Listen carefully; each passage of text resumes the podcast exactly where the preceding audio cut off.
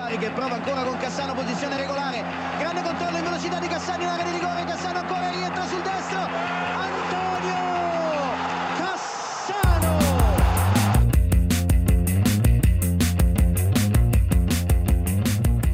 Já, komið þið sæl Puntur að basta heilsa hérna á sundarskvöldi Tímabilið á Ítalið rétt rúnið hálna á staðan í deildinni líklega sjaldan verið jafn óferið séð það ég Þorgir Lóðarsson sem heilsar ykkur og með mér er það Björn Már Ólafsson í beinu símasambandi frá Danmörku og Átnið Þóru Randursson sem situr hér með hlið, mér við hlið á Suðurlandsbutinu góðu.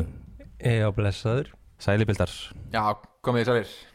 Herru, hérna við ætlum að fara yfir þessi helstu tíðindi og, og nýliði boltaspark um helgina. Uh, Átnið þessi deilti hefur verið ansi áhugaverð svona, og mikið óvendum úrslitum hinga til og sérstaklega svona á þessu nýja ári.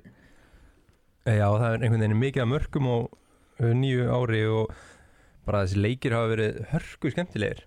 Uh, sáum í síðustu umferð þá var þessi þrjú-þrjú leikur hjá Juventus og Atalanta og síðan voru markaleikir líka í þessar umferð sem við förum yfir betur og eftir. Uh, en mér finnst einhvern veginn líka bara deildin opinn, það er bara eitt lið sem að eiginlega getur ekki tapað eða gert eftirtöfli, það er Napoli. En einhvern veginn önnur lið geta bara tapa fyrir öllum og unnið alla einhvern veginn, finnst mér Já, það verðist vera hérna, það stutt líka í gluggalógin Björn, svona Ertu með eitthvað skúp varandi það? Nei, það verðist ekkert kannski mikið verið að gerast. Uh, fyrir betur að nefnir hérna svona stóru transferin sem hafa verið. Vestur McKennie er farin frá Juventus og Sanjolo hefur sagan er alltaf búin að vera í gangi núna allan, allan í januar en það verðist nú vera að þeir ætla bara að hérna, hann fari ekki neitt og, og ég sá frétt núna rétt á hann að þeir séu jafnvel að pæli að bara frjósa hann út úr liðinu næsta eitt og hálfa árið Já, Karstorp með, meðferðin Já, gamla góða, Kastorp náttúrulega heldur ekki farið neitt sko, þannig að þeir verða þarna tveir ekki staðar að æfa bara. Ég veit ekki, hvað gera menn?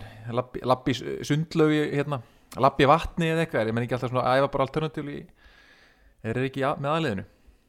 Já, Já, ég skil ekki alveg hvernig það gengur samt bara fyrir liðið að kasta þó ekki allavega einn 15 miljónum frá AC Milan eða eitthvað til þess að minka skadan sko.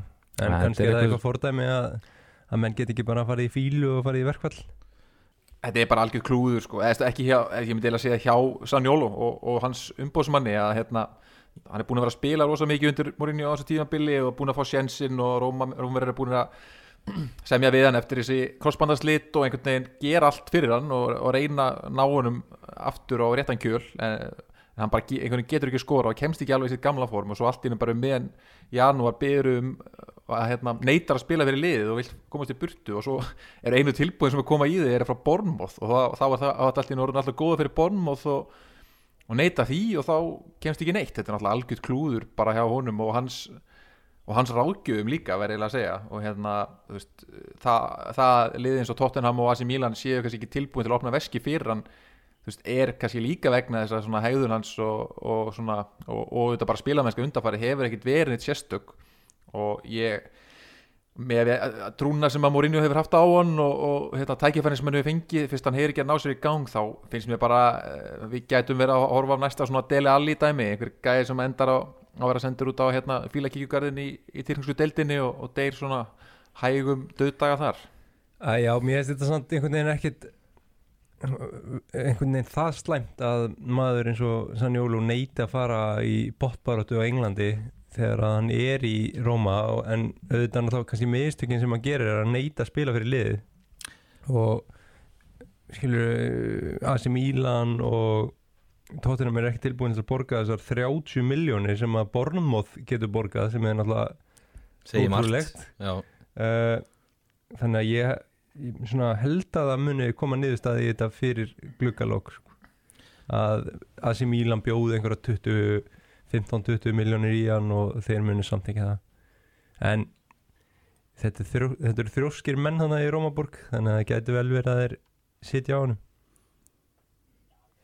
Já, líka því að hann á, hann á eitt og hálft ár eftir sko. en ef hann var enn út í sumar eitthvað þá var mér svo skilið það eins betur. En, en já, ég Mér finnst nú að já, Mílan kannski líklegast og sérstaklega eftir þetta tapið hann í dag þá, þá þurfa það kannski að bregðast við uh, eftir svona, svona hræðilega útreið sem þið fengum. Þannig að hérna, það getur vel verið að það sé verið að það eru símtölu í gangi á, já, hérna, í Milanello og Trigoria núna í, í, í kvöld og Já, næsta það dag væri ekki bara besta niðurstaðan í þessu væri að Sanjólu myndi bara byggðast afsökunar á því sem hann gerði og, og áfram á gag Jú, jú, ég held að menn sé alveg opni fyrir því líka og Mourinho sérstaklega veist, hann hann fílar hann alveg veist, hann, hann, hann, er að, hann er að reyna og einhvern veginn, það hefur ekki alveg gengið upp hjá honum en hérna, hann er fýll leikmaður og ég held að Mourinho myndi alveg og og menn myndi alveg samþykja það, hann myndi kannski beðast afsökunar og svo myndi menn bara skoða þetta í sumar. Jafnvel kannski er að semja kannski áfram með eitt ári viðbútið eða eitthvað. Svona, svo það lendi ekki einhverju reyðliti aftur í næst, núna í Það sem ég veist eða sárast við þetta er einmitt það að að, þú veist, lið heldur við trösti við hann í þessi tvö ár sem að hann er í þessum meðslum og svo um leið og hann kemst eitthvað inn aftur á fætur þá er hann búinn að segja bless og maður skilur ekki alveg, þú veist ástæðan á bakvið það Já, en sko einhvern veginn stóð við hann. Hvað, var hann ekki bara með samning hjá Róma? Hann fekk ekki nýjan samning í meðslórum Var það ekki þannig? Hann fekk nýja Jú, samning? Jú, er búin að, jú ég veit ekki hvort hann hafi verið mittu nokkulega þá en hann er búin að semja við og alveg síðan Já. þá sko. Ég meina, hann sleik crossband á 2020 eða eitthvað og hann er ennþá með eins og eitt og hálft ár eftir. Þannig að ég held að alveg örgulega þegar við sami við hann eftir allan að fyrsta crossbandsliti sko. Eh, en já og svo ef, hann- eh, það er eitt ef hann væri líka búin að sko hitti ground running og, og væri einhvern veginn öll lið á eftir honum og hann vildi fara en þegar þú einhvern veginn það, það vil, liðin sem áður hafa verið eftir þér viljaði ekki lengur og, veist, og, og, og það er verið að byggja um sko, ekki það hafa upp þannig að 30 miljonir fyrir svona ungan efnil, ennþá góðan gæja veist, í grunninn þá, hérna, veist, þá var þetta algjört klúður þegar að fara á staða með því að neyta að spila og einhvern veginn alltaf pressa gegn eitthvað transfer sko. þannig að það, það er hann ekki, ekki heldur umring og ég held að sé ekkert umgríndur heldur eitthvað svona alveg kannski bestur ágjöður um öllu leiti sko, að bara svona mína fabuleringar hann alltaf er svona þú veist, eh, hann á hérna einhverja móður sem er mjög mikið að reyna að taka aðtikli út á hans veril og, og, og svona hefur verið að, hérna, sem á svona rabiót mamma sko, hún að vera með svona undarleg ummæli fjölmjölum stundum og þetta er svona kannski ekki stræka mikið alveg kannski sem svona með, með besta endurásið en það kemur í ljós, við sjáum hvað, hvað næstu daga beri skötið sér, hvort hann, hvort hann fái transferið til, til Já, AC ég Milan. held að við vitum allan allir hvað hann getur og þegar hann kom fram á sjónastunni hann með Róma eftir þessi vistaskipti þetta Capital Gains, eh, talandi um Capital Gains var þetta ekki Capital Gains eða þegar Sanjólo fór í skipti fyrir Nængólan hérna, einhverju tveir ungi stráka til Róma fyrir hérna Nængólan til Inter en það var allavega svona, þú veist, maður allavega hefur séð hvað þessi stráku getur og maður hefur eitthvað svona örlítla trú um hann einhvern veginn ná sér aftur á flug þó að eins og þú segir, þetta er svona kannski farið að súrna svona svolítið hjá honum greinu en hérna það voru náttúrulega sko íslensk vistaskipti í vikunni strókar uh, Mikael Egil, hann færið sem set niður í serju B og hérna það er nú lítið gengið hjá Venezia á þessu tímabili. En þeir eru allan látið tvo miðjumenn fara þá Domino hérna, Domi- Domino Gói Čirnegói þetta skemmtilega nafn. Og Mikael Cousins sem að ég held að væri hérna, myndi sigra heiminn á sínum tíma en hefur ekki alveg gæst en Venezia er náttúrulega bara í 19. sæti með 5 sigra í 22 leikjum. Uh, fyrir frá þessu specialiði og hérna uh, úr serju A niður í serju B. Ætti vantilega því að það að hann fái stærra hlutverk og mögulega kannski fleiri byrjunleisleiki hefur bara byrjað einn byrjunleisleik á ferlinu með þessum hérna þessum svona fullorins atvinnumanna ferli hvað hérna finnst það okkur strákur um, um þetta múf?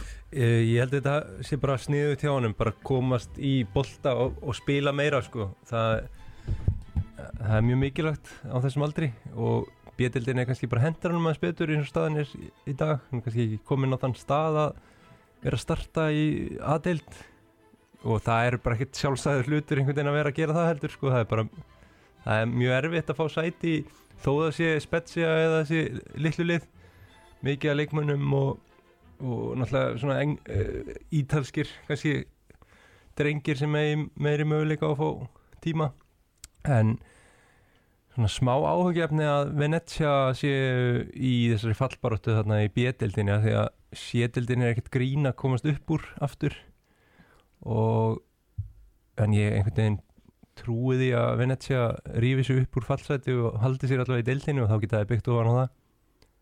Eh, svona peningar eru væntalega ekkit stórt vandamál hjá Venezia sem að hvað er bandir, bandarískir eigandur sem eru eitthvað að skoða að byggja nýjan völl og, og einhvern veginn ætla að búa til svolítið svona fótboltahöf í feni. Þetta er náttúrulega svona frábær staðsetning varðandi svona fer, fótboltaferðamennsku og, og bara einstakur staður Björn, hvað veist þér um hérna, þetta, þessi skipti hjá Já, þetta stóð til að fyrst að hann myndi fara á lán en síðan er, hérna, er Spezia kaupir þarna leikmann af uh, frekar dýran leikmann sem ég held að sé uh, miðvörður, uh, vartamæður frá, hérna, frá Venezia og þá er leikurinn að láta þær hann kannski svona einhver leiti fara í skiptum svona í staðinn. Þannig að hérna, þú veist ég, já, það er alveg bara þetta hvað Venezia, þetta er fínt tækifæri fyrir hann og, og hérna, hún myndi bara fara að spila sem flesta mínútur og hérna eina ágefniði mitt er svo áttu nefnir er bara að þessi fallbaróttu og svona þeir hafa nú aðeins styrt sig í glugganum ekki bara fengið hann eða einhver aðeins í viðbútt en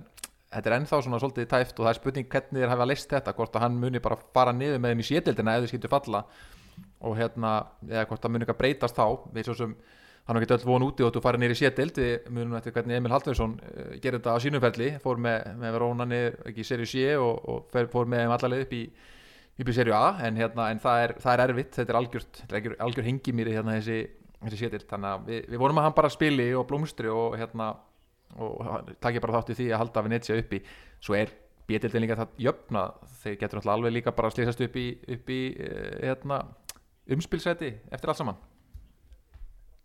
Já, við erum nú vanir að hérna, klára yfirferðin okkar á hérna, bétildinni, nei á aðildinni áður fyrir mig bétildinni, mér langar eins og aðeins að breyta til núna og hérna og fara aðeins í, í bjettildina uh, bara fyrst að við erum að tala um hann Mikael sem er núna komin í Venetia uh, þar er Suður Týról í fjóruða sæti hérna í töflunni. Og eru bara mögulega á leiðinu upp þetta litla lið. Nú það hafi verið sko 15 þjálfarabreitingar í seríu B líka.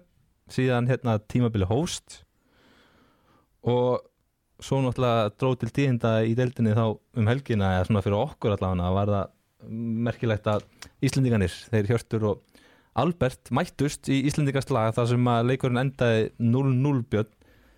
Hjörtur hefur náðu að læsa hérna glónum í Albert þarna hérna þetta skipti Já, sáum þú Albert til því að byrja á bekknum kom inn á og hérna og geða náttúrulega stærra liði og betri aðalinn skilst mér.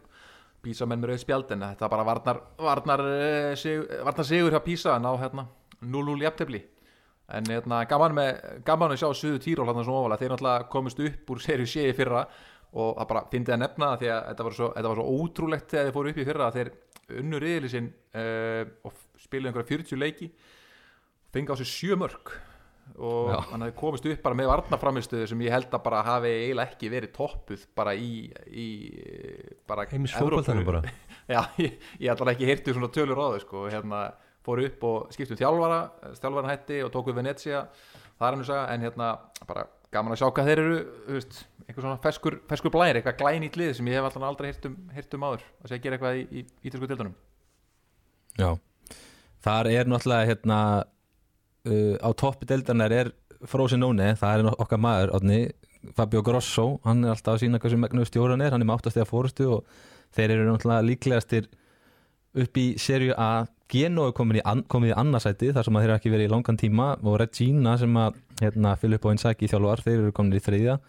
Þannig að umspilið þarna þetta, þetta hérna, stóra umspil þar sem að fer eitthvað langt fram í júni mánuð og, og klárast bara einhver tíman það hérna, er orðið áhugavert. Önnulið þar eru mitt Bari og Cagliari Ternana og svo í áttnarsæti er Pisa Hjörtur komin hérna inn í umspilið. Uh, og í... allir sér 2006 ítesku landsleismenn heimsmyndstararnir sem er að þjálfa þessari deilt það verður fórhald að sjá hvað hérna hverju fara upp hana Já, ég á mér ósk sko að Genóan alltaf fara upp og Frosinone væntanlega feru upp. Eh, hann var kannski ekkit óska liðið mitt en, en Bari er bara draumur í dós fyrir mig að fá upp í aðild sko. Ég er Við erum með veikan spott fyrir þeim veginn? Já, rosalega veikan og þessi mæting hérna á, á leikingja Genóa fyrir í vetur sko, það var alveg bara kveikt í mér sko.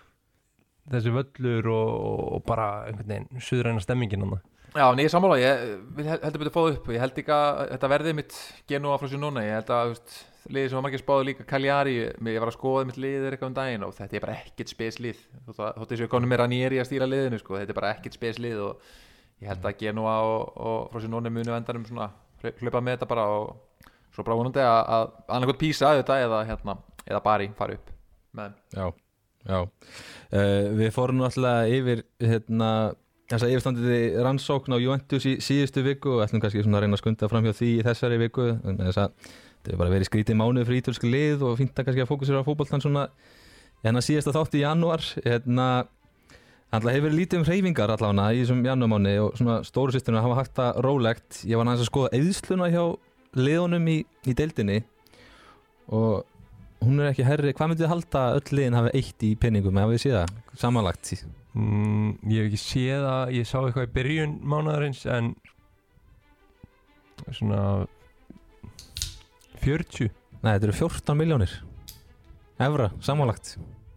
Er það netto eða þess að mínust á það sem þeir hafa Nei, selt? það Ekki- er bara, eh, nei, það er brúttó sko. Það brútt, það er gaman Jesus hvað brúttóðum Christ. að shit Já, þetta er náttúrulega bara vandamál Já. Ég bara skil þetta ekki Þetta er alveg ótrúlegt og þetta hefur ekki verið minna síðan 2003 ta- ástæðan fyrir þessu við talin vera ennþá áhrif COVID-19 faraldusins sem að er að stríða Já, liðum. en, en í sko sumarklukkanum þá var versta fyrir svolítið fjárhæðir eða ekki eða úr síðasta ári allavega. Jú, það var fyrir einhverja 500 miljón eurur eða eitthvað. Jú, maður held eitthvað neginn og bara eins og við höfum kannski komaðis betur inn á eftir að sum leið myndu nú kannski rífa upp veski út af, út af spilamennsku og, og svona leikmannaskorti en, en þetta er ekki alveg það er ekki alveg í þessu mánuði sem að það er ekki Já, hefst liður kannski hrættari við að missa á mestaraldasætinu í sumar og vera það búin að spenna búin um hátt frekar en að þau ætli sér núna að eyða til að tryggja mestaraldasætið einhvern veginn. Menn uh, litlir, ég er ekki sáttu með þetta. Ég er að kannski aðeins spenni búan, reyna hérna að stela mestaraldasætinu því að það, svo bara það er alveg galopin og það er þarna einhver, einhver sex lið eitthvað sem, sem að geta auðveldlega náðu þarna í þrjú mestaraldasæti og eftir, og eftir Napoli. Já Uh, nú ef við svona förum yfir þetta helsta þess að helstu slúðum móla. Miljan Skrinjar hefur náttúrulega yfirgefið Inter uh, það er talað um að hann muni að hann er búin að semja við PSG réttar sagt og ekki frágengi hvort hann fari núna í janúar eða í sumar. Uh, Viktor Lindelof er hérna talið vera hans aflýsinga maður í vörnunni á Inter. Sjáum nú bara hvernig já, það verður fórhundlega að sjá hvernig það fyrir allt saman. Einnig leikmaður hjá Sporting Lissabon sem er, nei hjá Lille fyrir ekki í Fraklandi sem er orðið við þessa uh, svona einn helstu svona hérna svona stærstu viðskiptin sem að lýsi líka svolítið því hversu mikil gúrka er í félagskiptamálum á Ítalíu eða það að Jósef Bercalo undirlega leikmaður utan vallar vegna skoðana sína hann er komið til Fiorentina og Napoli og Udinese reyndu að reppa þann leikmann en fengu ekki. Svona strákur sem ég held að var kannski fastamæður í krótiska landsliðinu þegar ég sá hann fyrir nokkur mánu síðan en eftir að sanna sig kannski aðeins betur. Nú svo náttúrulega uh, Love and Hate fórnalamb Juventus manna Mesto McKennie hann er fann til Leeds. Hann er flógin á, á brott sko. Hann er, hann er flógin, fuglin uh, Já, hann fer á láni til Leeds og með svona obligation to buy eða option to buy, ég er ekki alveg viss hvort það var. Kemur ykkur í einhverjar, já, jú, jú, jú, passar. Já, uh, fyrir einhverjar 30 já, miljónir í sumar sem við getum kipt hann þá á. Uh, en ég held einhvern veginn að Juventus sé í þeirri stöðu að þeir geta einhvern veginn ekki alveg verið að versla eitthvað inn núna. Þeir vita ekkert hvað er að fara að gerast og kannski falla þeir já, ef þeir missa fleiri stig eins og geti gerst. Tala þá um er kannski heldur ekki sniðut að vera búin að kaupa einhverja svona gæja sem eru aðeins og góðu fyrir bjöldina og aðeins og dýrir jáfnvel að tala um að að reyna að, reyna að hérna, kræki í einhverja lánstíla en það gangi erfilega sko. En ég meina mest um að kenni er þetta ekki bara leikmaður sem er sniðin af lítspoltanum eða? Jú, alveg klárlega. Svona fysikal leikmaður sem er þindalaus og ég held að bara hendi betur í lítslið ég veit samt ekki hvort hann fara á miðjuna þarna hjá þeim. Já. Men- ég bara veit ekki nógu mikið um líts til þess að átta mig á því sko. ég held að það sé að fara miðinu, ég held að það sé pælingin en við sáum náttúrulega að hann blómstra hvað mest í svona vangbakara stöðunni hægra megin hjá Juve. Já, svona eftir árum átt veist hann ekki nógu góður á miðjunni þannig að nei, uh, óskum honum velferna já, svona eiginlega smá söknuði núna svona út af þessum hérna, hvernig hann er staðið sig Já, hérna, búin að vera góður bara í síðustu mánuðum þannig að við, við erum búin að vera svona vælandi yfir og nátt heilt tímabil. En svo kemur söknuðurinn sko. uh, aðri leikmenn uh, eru þeir að eða svona aðra fréttir eru þær að Sasa Lukic svona vannmyndin leikmaður Torino hann er orðað við England og Fulham uh, talaði um að Torino nái að leysa hann af með Ivo Ilic sem er leikmaður Verona. Það er svona leikmaður sem myndi verið að smetla fullkomlega inn í leikstilin hjá Torino uh, það er að segja Ilic Landi Lukic. Já, og, og hérna og Júrits náttúrulega þekkir hann líka. Hann var þjálfan hjá, hjá Hellas Verona. Og hérna Ilits frábær leikmaður bara á, hann á múvinni í, í starra lið. Já. Uh, Svo er einhverjar fréttir á hérna, seimi með það að Denzel Dumfries sé, sé að fara til United taka hérna við hægri bakara stöðunni þar. Uh, það verður forhaldið að sjá hvort það gerist svona undir nýlendan. Já, Inter náttúrulega að byrja svona aðeins að fatast flugi og veit ég hversu mikið hversu spenntur hann er fyrir því að fara hérna frá Inter til hollensku nýlenduna sem að sækja sér bara hollendika þessa dagana virðist vera. En svona að lokum og aftur segir kannski svolítið mikið um stöðuna þegar það að Saint Maximin er líklegast heitast í orðunum í dag um hérna hreyfingar sem að munu koma til Ítalju, leikmenn sem munu koma til Ítalju frá þá mögulega Newcastle nýju, nýju stórveldi hérna, ef, ef Sanni Ólo myndi þá ekki, myndi ekki koma til Mílan þá er að tala um að þeir fá allavega eitthvað á hægri sín. Já, ég held að ef ég væri aðeins Mílan myndi ég freka frá mér Sint Maximján bara sem einhvern veginn Sanjólu er svona aðeins öðruvis leikmaður hlaupa getu en einhvern veginn Maximján getur búið til svæði fyrir aðra og einhvern veginn aðeins meira skapandi leikmaður finnst mér heldur en, en kannski er þeir með aðeins og marga bara eins og hann er ekkert ósvipaður Díaz eða svona mm. í hreyfingum uh, en er með líka en physical aspekt sem að Stanjólu er með, hann er hraður og, og getur kert undir línur og sem að er náttúrulega frábær eiginleiki. Mm uh, en ég held að það sé líka aðeins stærri pakki fyrir AC Milan að fara í ef, að, ef þeir ætla að gera það Já, það er spurning hvort þessi að reyna að horfa á þessa hægri kantstöðu sem er alltaf hennar vandamál fyrir þá líka. Þá vandilega að fá ykkur að rakita á kantin hann og hugsa Saint Maximin sem kost þar. En svona bara aðeins hérna til þess að loka þessari glukkaumræði sko, þá svona vonast maður eftir að komi kannski einhverju skemmtilega leikmenn í deildina og mér finnst svona smá leðilegt hvernig við erum svona frekar að horfa á það og leikmenn yfirgefa deildina og, og þessi stóru lið og, hérna kannski í svona lið annars þar sem að eru ekki með sama prófíl hérna bara svona, þetta minnir mig svolítið á það því að maður veginn hefur fylgst vel með búndislíkunni líka síðustu tíu árin og geti allt eins verið að fjalla um hana hér einhvern veginn, maður svona bara þekki þá deild vel og þetta er svolítið verið að gerast þar einmitt að lið, eða leikmenn hafa verið að yfirgefa deildina og, og svona stjórnu svona starpowerið við deildina hefur verið að minka með hverju árunu og við sjáum bara til þess með Union Berlin og Freiburg þessi lið sem eru þarna í meistardeildasætum núna á Þýskalandi þetta er bara einhver verka fótboltamenn sko. Þetta er ekki beint svona fagufræðin er ekki rík hérna í þessum- liðum og, og sama tíma eru lið sem eru svona stórlega á Þýskalandi. Þeir eru að, þau eru að fara neðar töfluna og eru í vandræði með að fá leikmenn. Þannig að ég ætla svona að vona að þótt að þýski boltin er skemmtilegar við séum ekki að fara í þessa átt að svona að þessi skemmtilegu leikmenn sem á engið dildina og fyrir mig myndi ég segja að, veist, þetta skemmtilegast að við að horfa á íþjóðska boltan er einmitt þessi svona þessi, þessar típu sem að geta gert eitthvað úr engu og, og hérna og, og þú veist, og einhvern veginn allra, allra þjóða líka sko. Já, það er svona þessi Dominic og Berardiar deildarinnar svona Já. stóra stjórnur í, í litlum liðum.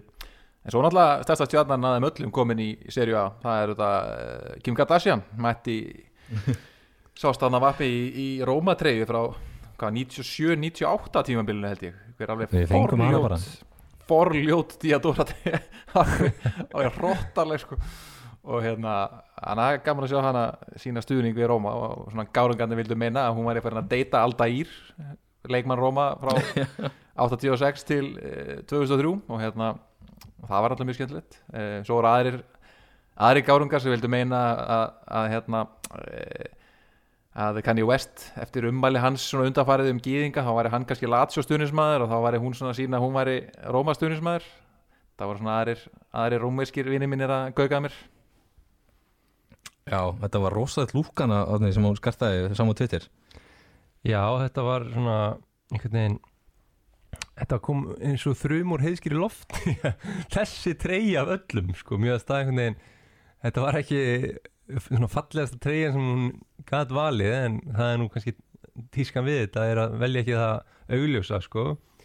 Uh, en ég sá að þarna hún hvað Kendall Jenner hefur verið í einhverju Juventus treyju og mínir menn í Torino voru ekki lengi að segja við höfum alltaf verið meiri Kendall menn heldur en Kim menn sko. Já, ég, það sem komið eiginlega mest á óvart sko, maður er ekki nógu körrend í slúðurnu sko, eða Tristan Townsson og, og hérna hvað heitir hún, hérna hún Kim. hérna, Chloe er ennþá eitthvað negin að að hérna, elda grátt til saman sko. ég, hann var fyrir aftan hana þegar, þegar myndi fór sko. í spjalli þegar myndi fór í spjalli þá var það með fyrsta kommenti sem kom frá þér það var hvað, hvað hann var að gera þarna frekar, frekar já, já, kom mér eiginlega ég var eiginlega mest hissa á því sko. það er bara gaman að sjá en við fögnum þessu sæning, þetta er alveg janúar sæning sko.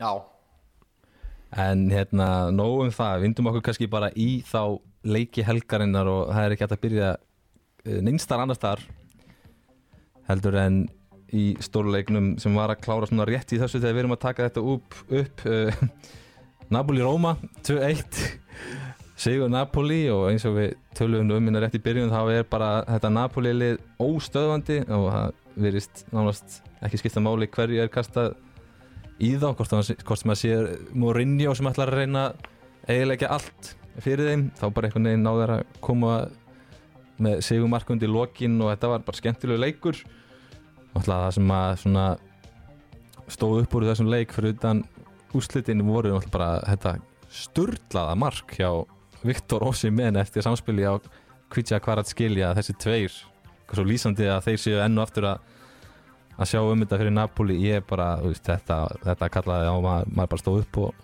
og klappaði sko, og þakkaði fyrir sig sko.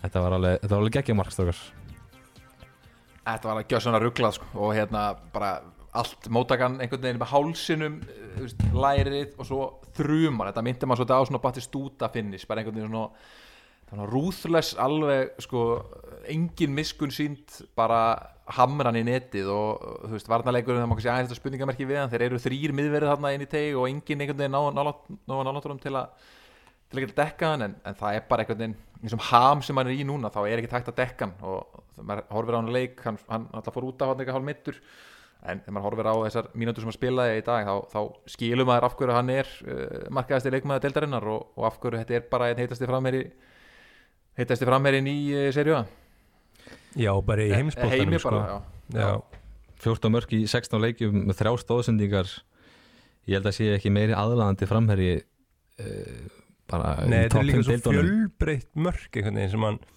hann hefur einhvern veginn allt og þetta dúo, hann og hver að skilja eru náttúrulega bara besta dúo sem þessi deild hefur séð í já, ég veit ekki hversu mörg ár sko Ætla, í Þeir bæði eru sko, fyrri, fyrri leiknum sturlaðir. bæði fyrirleiknum sem að Róma, Róma Napoli sem að Napoli vinnur 1-0 þar skorar hann líka mark bara upp úr þurru bara fær einhvern vonleysa bolta og hann bara býr til eitthvað gullfattet mark upp úr engu og, og sama í þessum leik þú veist, það er bara einhver jú, þetta er gott spil hér Napoli og svo bara fyrirgjöf og hann einhvern veginn bara, hann það gera allt sjálfur og já, bara algjört algjört uh, force of nature hann sko, hann að já, en svo, en svo er alltaf, svo fer hann út af og maður er ekki byrjað í hans stað eins og hefur gerst í allan vetur á Napoli. Varamenninni skora líka mörg þannig að hérna þetta er, þetta er helviti seitt lið segður með. Þetta er bara langbesta liðið og einhvern veginn, ég sé ekki neitt eða skilu, það er ekki sjens að neitt lið nái þeim. Stoppa. það er ekki 13 stiga fórusta oft núna. talað um sko einhvern veginn svona mann sitt í skjáltin hjá fótbolta áhuga mönnum þegar að liðið komið með einhverja fórust og sitt en þeir eru einhvern veginn verða bara það góðir að þeir vinni bara rest skilur ádæðan leiki eða eitthvað í röð og, og ná að vinna skilur en það er ekkert annað lið á, nei, á Ítalíu sem er að spila vel.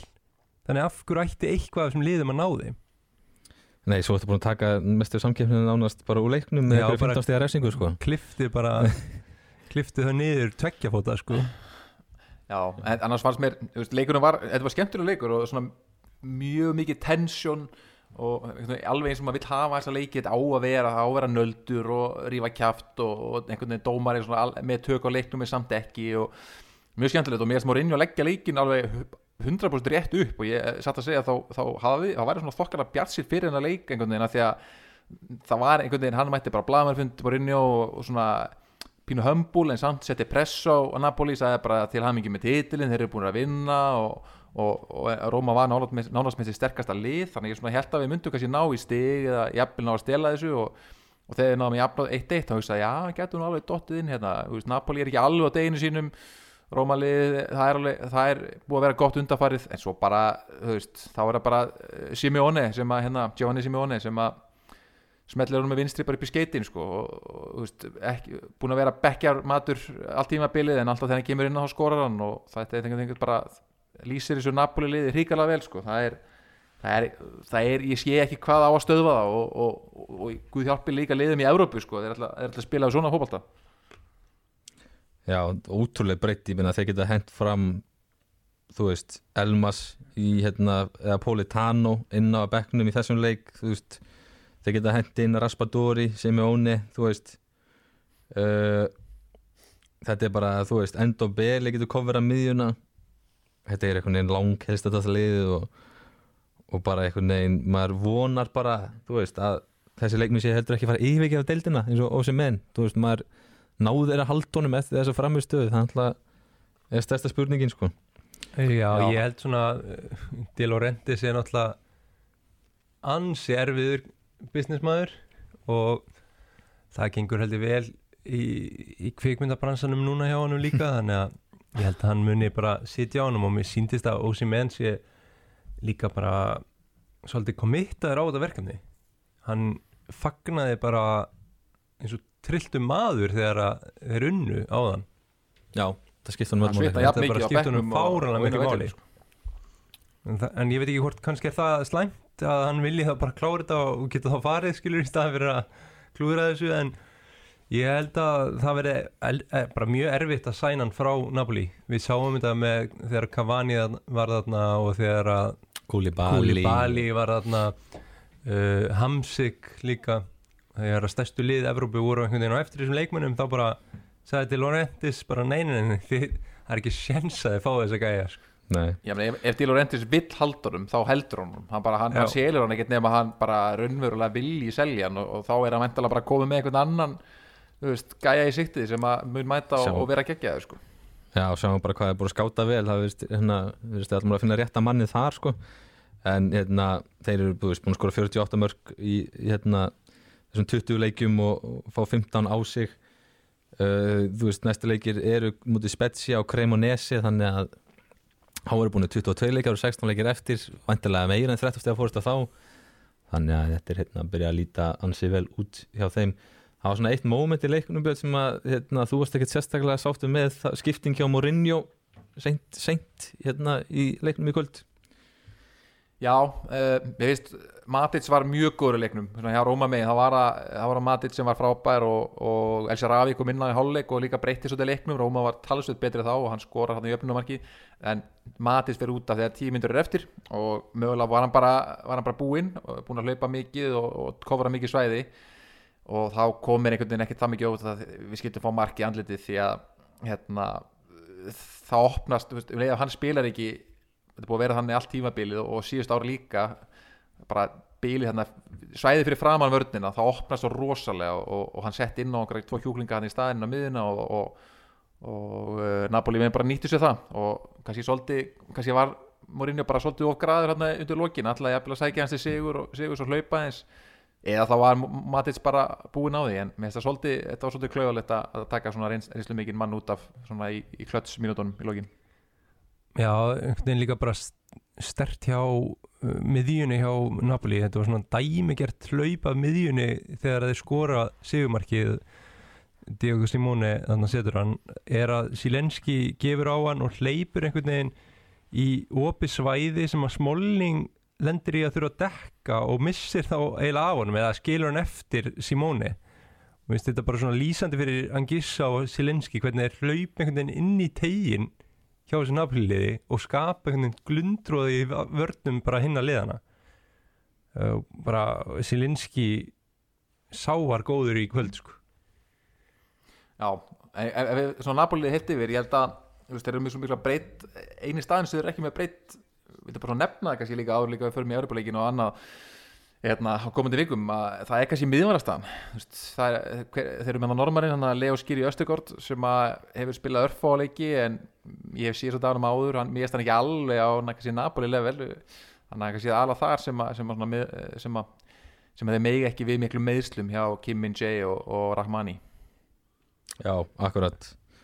Það er kannski helst þar en svo er þeir komni með það einmitt mikið fórskot í að, að það myndi ekki aftræðum, það er mitt spurning í Evrópa eins og segir, hvað, hvað hefur áhrif á Ramani líka aðeins verið svona að dala fyrst mér, hann er svona leitt sér einhvern veginn að slaka á í varðanleiknum en er samt, segi ykkur sko maður hugsa kannski hvort að þeir fá ekki hérna, fá sér ekki ekstra miðvörð í suma núna uh, bara svona til þess að, því við náum kannski ekki alveg að loka þessu málu með Sandy Ól og svona uh, bara svona hvað segir maður, rammað algjörlega inn heldur að, heldur að hann verði leikmaður Róma og spila aftur fyrir Róma á þessu tímbili björn Í, já, ég, hef, ég eiginlega held það. Ég, ég sé ekki alveg hvaða lið þetta taka hann eins og nema AC Milan séu einhverjum meðafundi eftir, eftir tapið í dag. Þannig já, ég ætla bara að gíska að hann verði áfram. Um, hvort hann spili, já já, já, þeir, þeir leysa þetta einhvern veginn og svo vonandi bara síðan á þeir að selja í sumar á einhvern þannig, að- en þeir heldur leysa þetta svona tímabundið. Já, förum þá bara yfir í mitt AC Milan og hérna áhugaverðustu úslit helgarinnar. Þeir mættu Sasso Ulo sem hafa verið að daðra við falldraugin hérna, eftir áramót. Og enda með að fá eh, fimm mörk í andlitið, skora tvö mörk á heimaðalli og þessi síðustu leikir hjá AC Milan, þessi síðustu sex leikir á þessu ári þetta verður ekki verið fallegt, því jafntefni Róma þar byrjar einhvern veginn hrunið. Fá tvö mörk á sig undir lokleiks og, og tapa síðan fimm leiki með röð. Þú ta- tapa öllum sem byggurum frá sér eins og komst inn á átni í, í síðasta þætti og svo var það bara hérna, derbi dela Madonnina næst. Já og ennþá með hennan rúmenska tatuart í, í markinu Taturusano því lík bara vombriði að AC Milanliði hafi ekki sótt sem markmann. Það er Þetta er bara kostað á þetta gæti kostað á sko meistardildasæti það er séu ekki búin að skipta um eða sækja annan. Og ég held að eh, Mike Mannian eigi ekkert að koma fyrir en einhver tíman ég ætla að miðjan februar þannig að hann er ekkert að fara þetta í næsta leik sko. Uh, hann á eiginlega fannst mér að taka þarna annað markið sérstaklega uh, gegn Sassúlu í dag. Og bara hann er búin að missa tröst varnamann held ég sko. Og það Algjörlega. er svo óþægilegt fyrir varnamenn að vera að spila fyrir framann markmann sem þeir treyst ekki og einhvern veginn það smitast inn í liði en mér veist líka bara vandamál að sem Mílan vera kannski svona liðsandinn.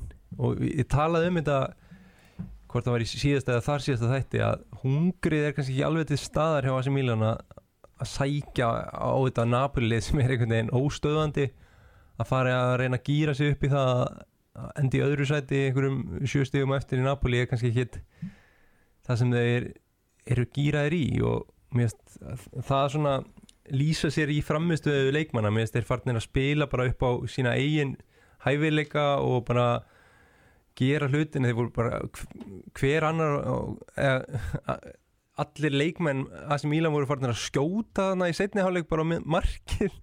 Bara reyna eitthvað sem maður reyndar endaði inni með þessu fáranlega góða markið og Riki sem var tók hann úr kyrstuðu fyrir utan teg og smelt hann í skeitin eða og inn uh, en já, mér það svona galli hjá AC Milan að, að leikmennir eru ekki að spila sem þessi liðsild Já, já, ég held sér alveg sammála. Það er svekkjandi fyrir lið að vinna titilin í fyrra en einhvern veginn horfa kannski upp á bjúkust kannski við aðeins meiri fjárfestingu og það er kannski tekið skref upp á við en í staðin þá kannski svona, jú, svo tekið ketilari á svolítið pening en, en svo reyndist hann ekki góður og þá einhvern veginn er þetta svona eiga aftur einhvern veginn að reyna að eiga drauma sísón þú veist, þetta er, já, skil alveg gátt við þá vantar svolítið svona metnaðin í þetta og, og og, og Pjóli talaði um það eftir leikin í dag að þeir hafi brotnað þannig gegn Róma. Það er bara Morinni og bara brautan þeir hefða þessi tvö mörg sem þeir fengi á sig hérna undir lokin þar þeir hafa bara ekkert verið samir eftir þetta og, það er einhvern veginn allir vindu farin úr, úr blöðrunni sko. og, derbíslægu næst það, það lítur ekki vel út en, en að móti kemur að, að á Ítalíu er nótt þannig að liðin sem kemur í verra formi inn í derbíslæg og hefur enga tapa, það er nótt liði sem, sem að vinnur slægin Já, akkurat þeir eru komin inn í fymta sæti. Þetta er orðið svona mitt barátta um meistarlita sæti núna, þetta var leit vel út fyrir áramót og mögulega gáttu þeir tekið þátt í þessari titilbaráttu eða þeir hafðu svona bætt kannski svona, já hvað segir maður sett í fymta gýr eftir áramót. En mitt þetta, hérna, það hefnast ekki alveg, hvað hérna fyrir mér er svona eins og það sé nokkur um spurningum líka svara varandina leikmann og svona, mér langar svolítið að spurja ykkur, veist, hver á sökina að þessu hruna, því að núna er þetta bara kannski svona að jú þeir geta kannski unnið AC Milan í meistardeldinni og náð meistardeldarsæti það er auðvitað eitthvað sem þeir myndi ekki nefnilega sætta sig eitthvað eitt sérstaklega við fyrir tímabil. Veist, er það stjórnin, er það leikmenninir Ég, held að, ég held að séu sko leikmennir og stjórnin. Ég held að Pjóli eigi ekkert eitthvað það mikið þátt í þessu af því að þegar að þú vinnur svona já, titil á svona smá ósamfærandi hátt eins og þeir gerði fyrra. Þeir voru ekkert, ja, þeir voru góðir en þeir einhvern veginn áttu ekki að vera endilega besta liði og þá er svo mikilvægt að fá einhverja innspýtingu í liði til þess að halda mönnum á tánum. Og mér finnst það svona að stjórnin hafi klikkað þarna skilju, þetta getur Lari getur ekki hafa verið hugsaður sem byrjunleismadur í, í mistarliðinu e, á Ítalíu. Og, og mér finnst samt líka bara leikmennir þurfa að axla ábyrða framistöði í leikjónum þetta er Sassuolo sem er búið að vera í sko einhverja 17. sæti e, fyrir já, tveimur umferðin með eitthvað og, og rulla yfir Asi Milan á San Siro sem er bara þetta var alveg fárlegt að horfa upp á þetta sko. Já, þetta var bara gamla góða Sassúl og Hakkavilin sko. það var bara, það var hlaupið yfir það og þú veist, hvað var staðan? Fjögur eitt í háluleik nei, eða fjögur eitt eða þrjú eitt í háluleik nei, þrjú eitt. Fjögur eitt í háluleik Fjögur eitt, já, já, svo byrjar setni háluleikur og það líða 40 sekundur og þá er búið að gefa viti og þeir fá hann að 15 marki sko. þetta var bara Já. þetta var algjör Hakkavil og náttúrulega Dominico Berardi elskar að skora á San Siro. Skoraði hann að þrennu hann var eitthvað 19 ára og, og hefur bara búin að skora hann eða öllum leikjum síðan og, og já Sassúlo búin að vinna held ég ekki búin að tapa um þessi Milan síðustu fimm leikjum sko í deildinni Já, þú veist, þetta var bara eins og Berardi væri sko, í fútsal hann, sko, hann var bara eitthvað kloppa menn og lappa fram hjá Theo Hernandez og þeir að sparka hann niður enda líka og þetta var og þetta var bara vond stemning síðan veist, það var tróðfullu völlur það var verið að niðurlæga sem Mílan menn voru, hérna stundismenn voru fannir að lappa heima vellir um ansi snemma og veist, þetta var alls konar þvæla í gangi sko, svo sparkar þess að volu boltanum út á einhver maður sem li- liggur niður og Asi Mílan neytar að sparka boltanum tilbaka bara taka bara boltan og þú veist, og reyna bara að sækja einhver þetta var mjög einhvern veginn bara svona ljóta senu sko og bara vond stemning í, í liðinu. Og hérna ég held að menn Bjóli og, og Slatan ef hann er hérna í einhverju aðstofar þjálfara hlutverki sem okkur er nú sagt þá, hérna, þá held ég að þeir þurfa að taka ennit neyðafundin og aðeins að stilla, stilla saman stengi sína. Já, en hvað svona myndið þú segja ef þú ættir að horfa á þetta svona utanfrá varandi hérna, þetta hrun liðsins? Hverju myndir þú vilja, á svona ákvæmt myndir þú vilja skella það Já, ég er stjórnin, ber mest ábyrða því. Ég er þess að sportingdirektorarnir hérna, er ekki Maldini og hver er hann með honum Er Massara það ekki? Rikki, Rikki Massara, já. Ég, ég set mest ábyrða þá að, að hópurinn sé svona eins og hann er. Ég meina, hann var að delivera alveg líginni líkast í fyrra og, en þetta gæt kannski ekki haldið áfram alveg svona mikið og kannski þurfti aðeins meiri breytingar og uh, svona já, fá einn svona feskara lappir. Þú veist, David Calabria getur ekki spila eins og Kafu mörg tímabili röð sko. Nei, líka bara en samt eh, maður verður að rósa samt líka Maldini fyrir hvað þeir eru búin að breyta miklu hjá AC Milan á síðust árum þeir voru sko, ég mann 2017 þegar ég var að fara að leiki þá var þetta bara skelvilegt sko. þetta var svo ógeðslega óspennandi lið sko. það var bara að þessi Mílan síð- Já, síð, bara ég var ég man ekki, ég þyrfti eiginlega að stilla þessu lið einhvern veginn upp bara hvaða menn voru þarna inn á eftir áramótin 2017 en hann hefur, eða þeir hafi náð að lækka launakostnaðin eitthvað fárlega mikið og skapa leikmenn sem að eru verðmættir eins og Rafael Leao og, og Tonali og svona. Þannig að ég, ég get ekki einhvern veginn skellt skuldina endilega á þá. Ég meðist það kannski meira bara eigandahópurinn að hafa ekki lagt meiri peninga í það að fjárfesta og eins og bara dæmið í janúar að það sé ekki sóttu markmaður, varamarkmaður. Það er óskiljanlegt bara að því þið vissu alltaf með mannjan að hann væri að fara að vera, þú veist, missa af þessum Já, leikjum ég, og, ég skil alveg að menn taki kannski ekki áhættun á því að kaupa einhvern gæja og mikla peninga af því að Mhm. mannjan er að koma inn en það sæki ekki einhvern á láni skilju, Kilur Navas eða einhvern bara. Já, já, svo er, svo er þið með sko, þriðji markmaður, markmaður þeirra er Andrea Consigli nei, nei, hérna hvað er það sem var í Róma sko, fertugi gæðin sem að Mirante, Antonio Mirante já er, þú Antonio Mirandi hann er eh, spilar mjög fá búin að spila mjög fá leiki undan farin ára var svona varamarkmaður á Róma, er orðin fertugur veist, hann er það vantilega bara einhver svona æfingamarkmaður bara til að hafa sko, þrjá markmenn á æfingum.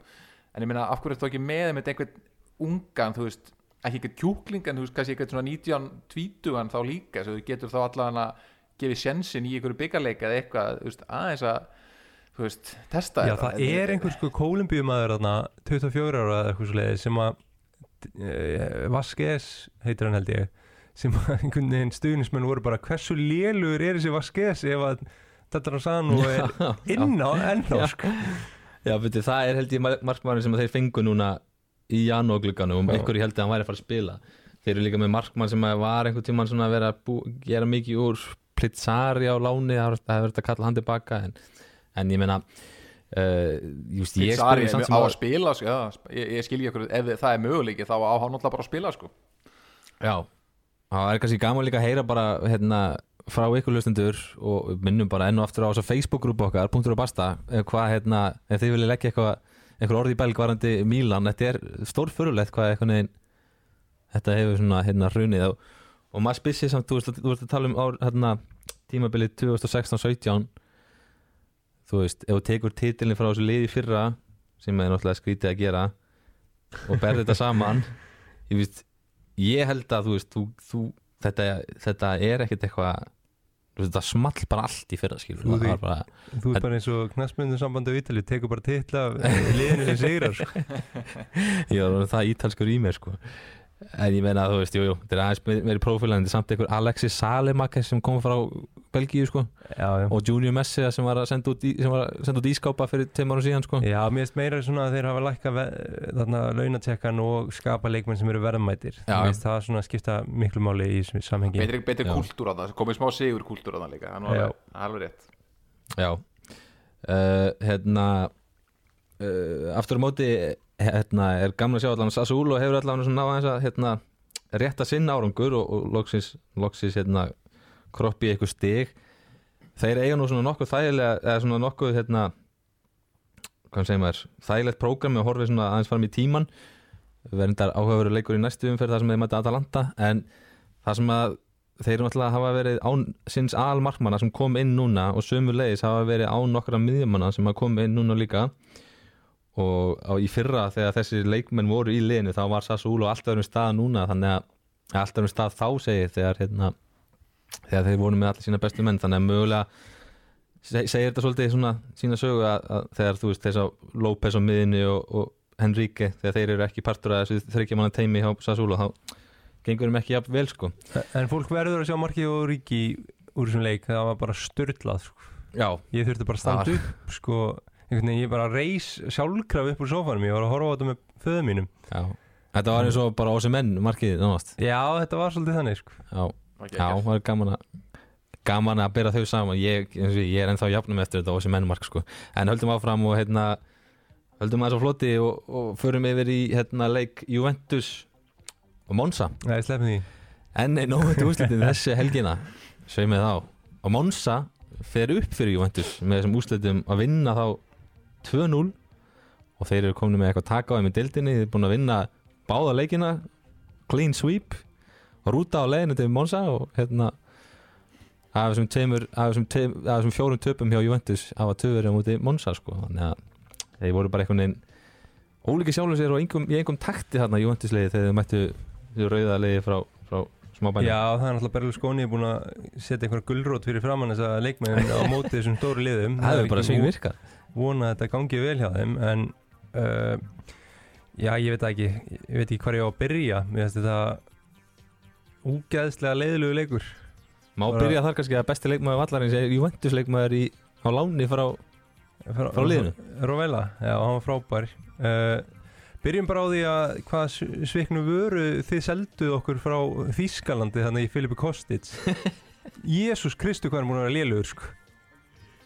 Hann er eins og einhver gamall Fiat bílana vinstra megin sko.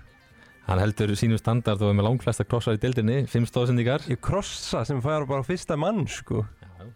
Það þýðir ekki að krossa bara eitthvað og skil ekki neittni varnavinnum Mér finnst hann bara Hann er svona verið upp á ofan ógeðslega flatur á þessu tímbili sko. bara virkilega lélugur sko. það er ég hafði alveg mikla væntingar fyrir honum sko, kannski hendur hann bara einhvern veginn ekki inn í þetta leikkerfi en, en það, hann var ekkert eitthvað eini gæinn sem var lélugur þarna. Það voru náttúrulega Gatti var í vörninni. Aftur kemur hann inn í þetta spil. Að hann er mættur aftur. Það er náttúrulega, það þarf að kaupa miðvörð í sumar. Sandro er að fara Bonucci er náttúrulega komin í eitthvað straff og middur og er ekki að spila náðu mikið. Gatti er ekki náðu góður. Danilo og Bremer eru þannig í miðvörðunum að ég veit ekki, mér veist þetta svona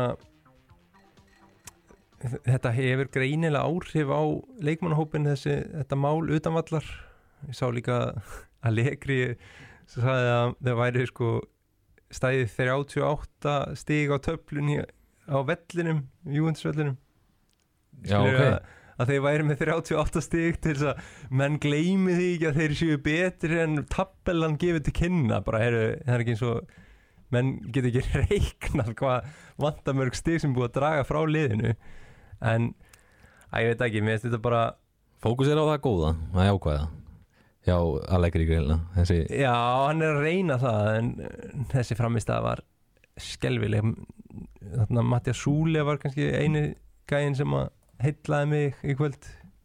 Mér finnst hann svona að koma með kraftinn og, og það er alltaf frábært að sjá Vlahovic koma aftur inn. Eða hann og Pogba spiluðu í svona æfingarleik gegn U23 liðinu hjá Juventus og þar skoraði Vlahovic þrennu og Pogba tvö þannig að það var búið að fýra vel upp í, upp í stuðnismönnum að fá þá tvo að spila með aðaliðinu og Vlahovic kom inn á og létt svona ekkert allt og mikið fyrir sér fa fara einhvern veginn. Skastaði bara nýri klippingu Já, helsta ný kannski. klipping og einhvern svona nelli plástur á, á kinninni. Ég, Já, Býtu, hvernig klippingu er að tala um?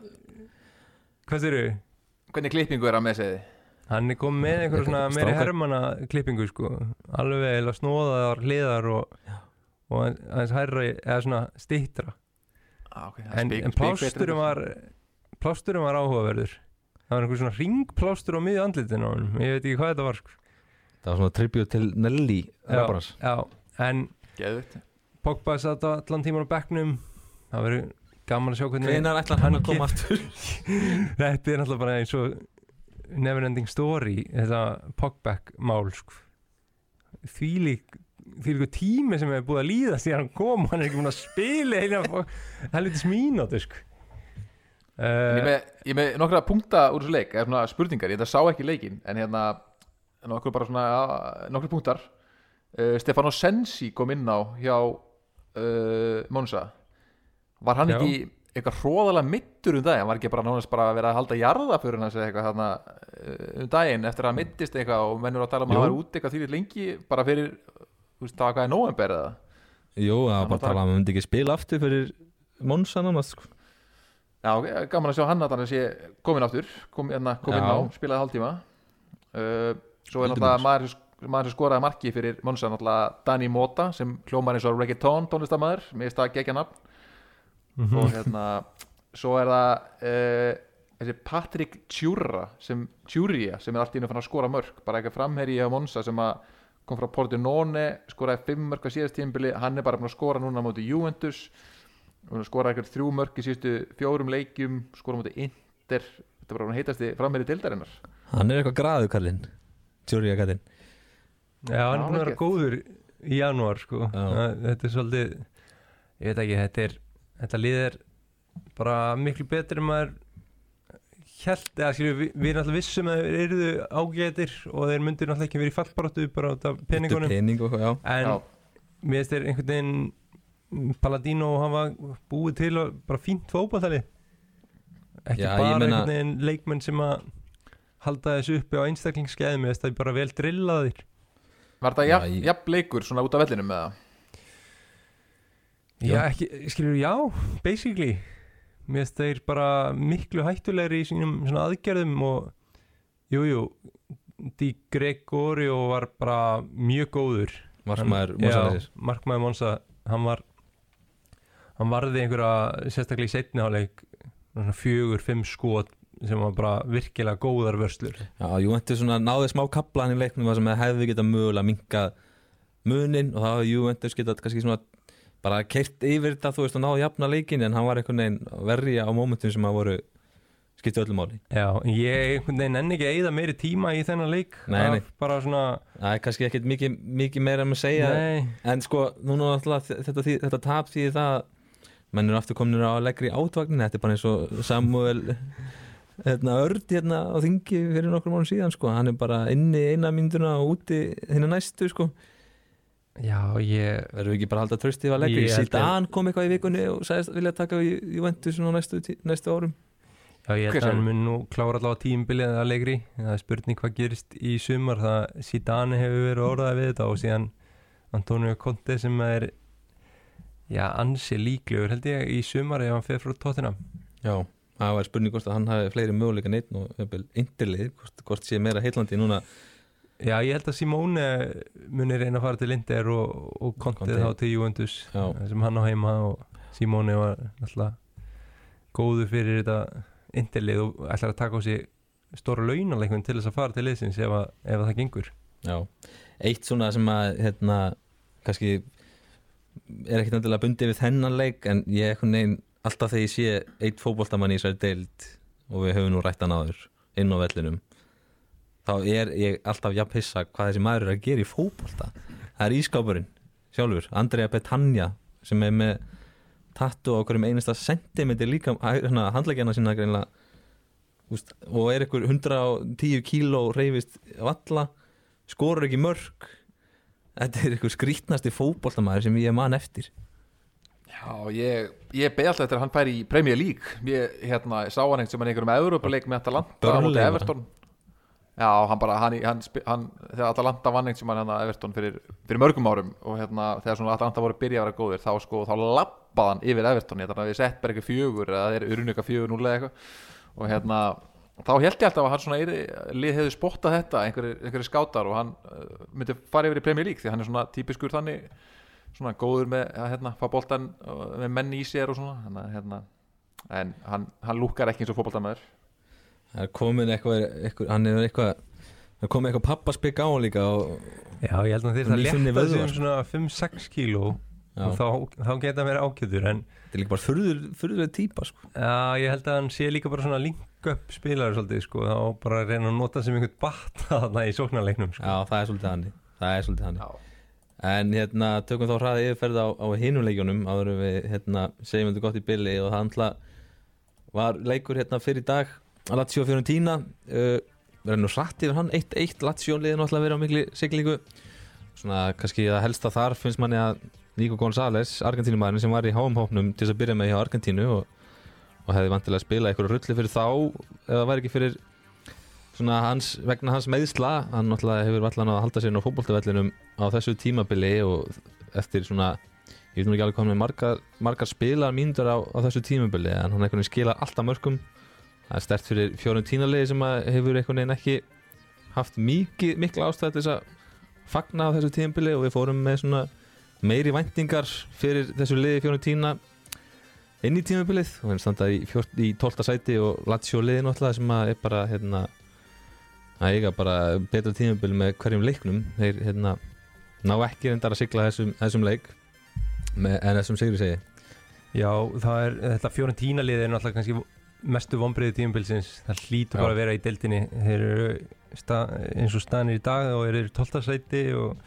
á eftir Monza, Empoli og Bologna sem eru nú kannski ekki mest, eða svona jú, Empoli og, og Bologna búin að vera náttúrulega lengi en, en Monza er svona nýtt lið og að ég veit ekki að óspennandi lið fyrir þau já, ég menn Empoli er nú aldrei nú er hann rétt hjá sko, þeir eru nú ekki vanir að vera fyrir óan fjórun tína liði sko uh, Atalanta við náttúrulega beðum, beðum spenntir eftir að sjá Atalanta lið um þessa helgi. Þeir mættu Sampdoria og það hefur engin leikmaður í þessum topp 5 deildum í Evrópu skorað meir en Adimola Lúkmann sem hefur verið gjössanlega á eldi í undarfærið og sömulegis Rasmus Hólund sem við töluðum svona mikið um í síðasta þætti.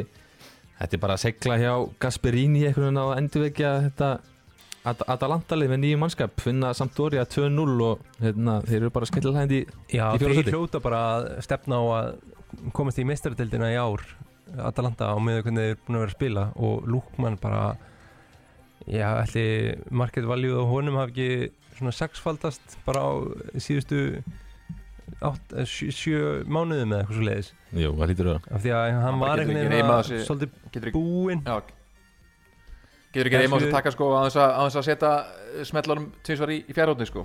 Já, það er svolítið hannig Danin Knái, bakurinn, Mæli Hann skoraði líka og hann er búinn að vera í markaformi. Þetta er náttúrulega, þetta samt dórjalið á eiginlega enga von sko. Þetta maður bara horfir á þetta lið og hann var í nánast bara hérna, við það að tárast við að horfa á þetta. Þeir eru með, hérna, komnir reynda með englendingin Harry Winks á miðuna og ekki bæti það á skák. Þeir hafa í síðustu leikin verið með hérna leikmannin með rándýra nafni Ronaldo Vieira. Miðjumann sem átti að vera vonastjarnar Leeds lengi vel.